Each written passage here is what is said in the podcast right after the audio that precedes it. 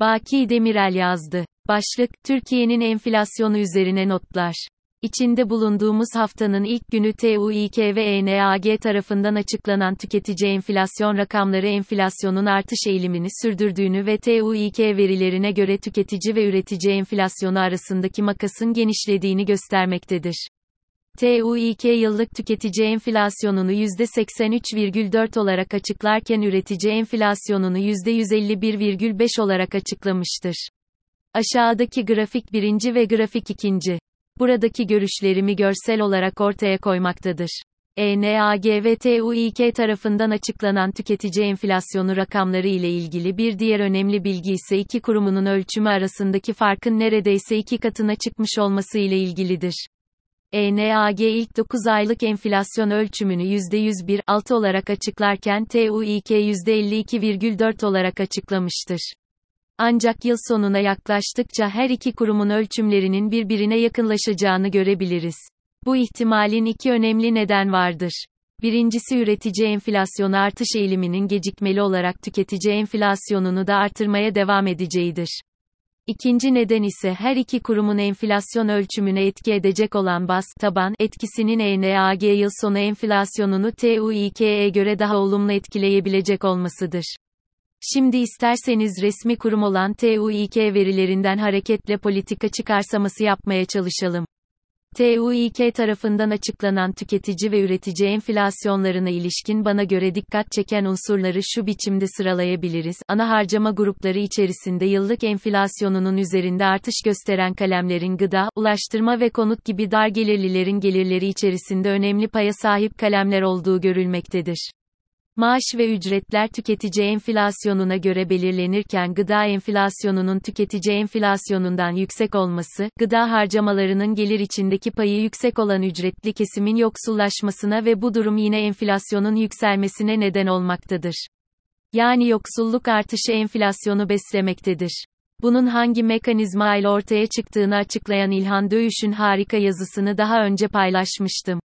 Üretici enflasyonu ile ilgili olarak üretici maliyetlerini en fazla artıran kalemin enerji fiyatları olduğunu yıllık enerji enflasyonunun %347, aylık artışın ise %12,9 olduğu görülmektedir.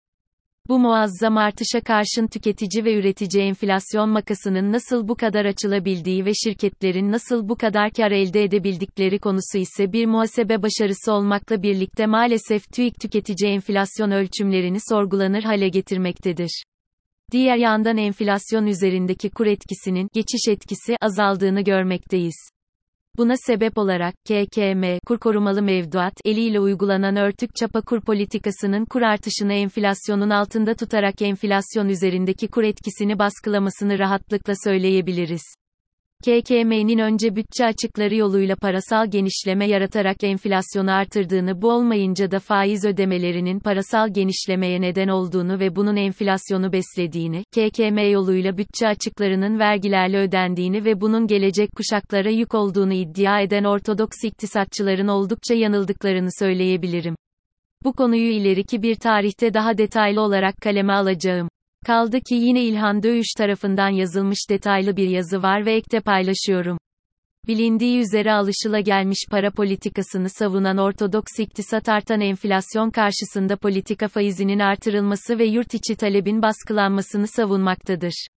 Buna karşılık TCMB bilindiği üzere son PPK Para Politikası Kurulu toplantısında politika faizinde yine 100 bas puanlık bir indirime gitti.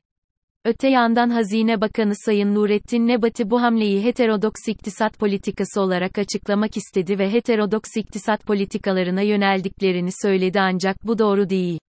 Zira TCMB son faiz indirimdeki asıl vurgusu iç ve dış talebin yavaşlamasıdır. Dış talebin zayıflamasına elbette TCMB politikasının etkisi olamaz ancak faiz indirimiyle iç talepteki zayıflamanın ve yatırım iştahının azalmasının önüne geçilmek istendiği anlaşılmaktadır. Ancak bir heterodoks iktisat okulu olan Post-Keynesyen okul, yatırımların faize değil talep beklentilerine duyarlı olduğunu savunmaktadır. Yani yatırım iştahını artırmak için TCMB politika faizini indirmesi bir heterodoks politika önerisi değildir. Tam aksine yatırımla faiz arasında güçlü ilişki olduğunu savunan ortodoks düşüncenin bir ürünüdür. Nokta. Ayrıca faiz indirimlerinin gerek finansal kazançları gerekse konut inşaat rantlarını büyüttüğü ortadadır. Nitekim Eylül ayı tüketici enflasyon ölçümünde en fazla artışın %9,9 ile konut enflasyonu kaynaklı olduğu görülmektedir. Bununla birlikte heterodoks politika uygulanacak ise enflasyonun arkasındaki dinamiğin ücretler değil karlar olduğu gerçeğinden yola çıkılarak vergi politikasında dezavantajlı gruplar aleyhine olan dolaylı vergilerin ağırlığının azaltılmasına yönelik önlemler alınması gerekmektedir. Aşırı kar vergisi, rant vergisi ve finansal kazançlar vergisi temel önerilerimiz olarak defalarca önerdiğimiz politika araçlarıdır. Bir diğer hatalı nedensellik ilişkisi ise ücret artışlarının enflasyonu beslediği konusudur.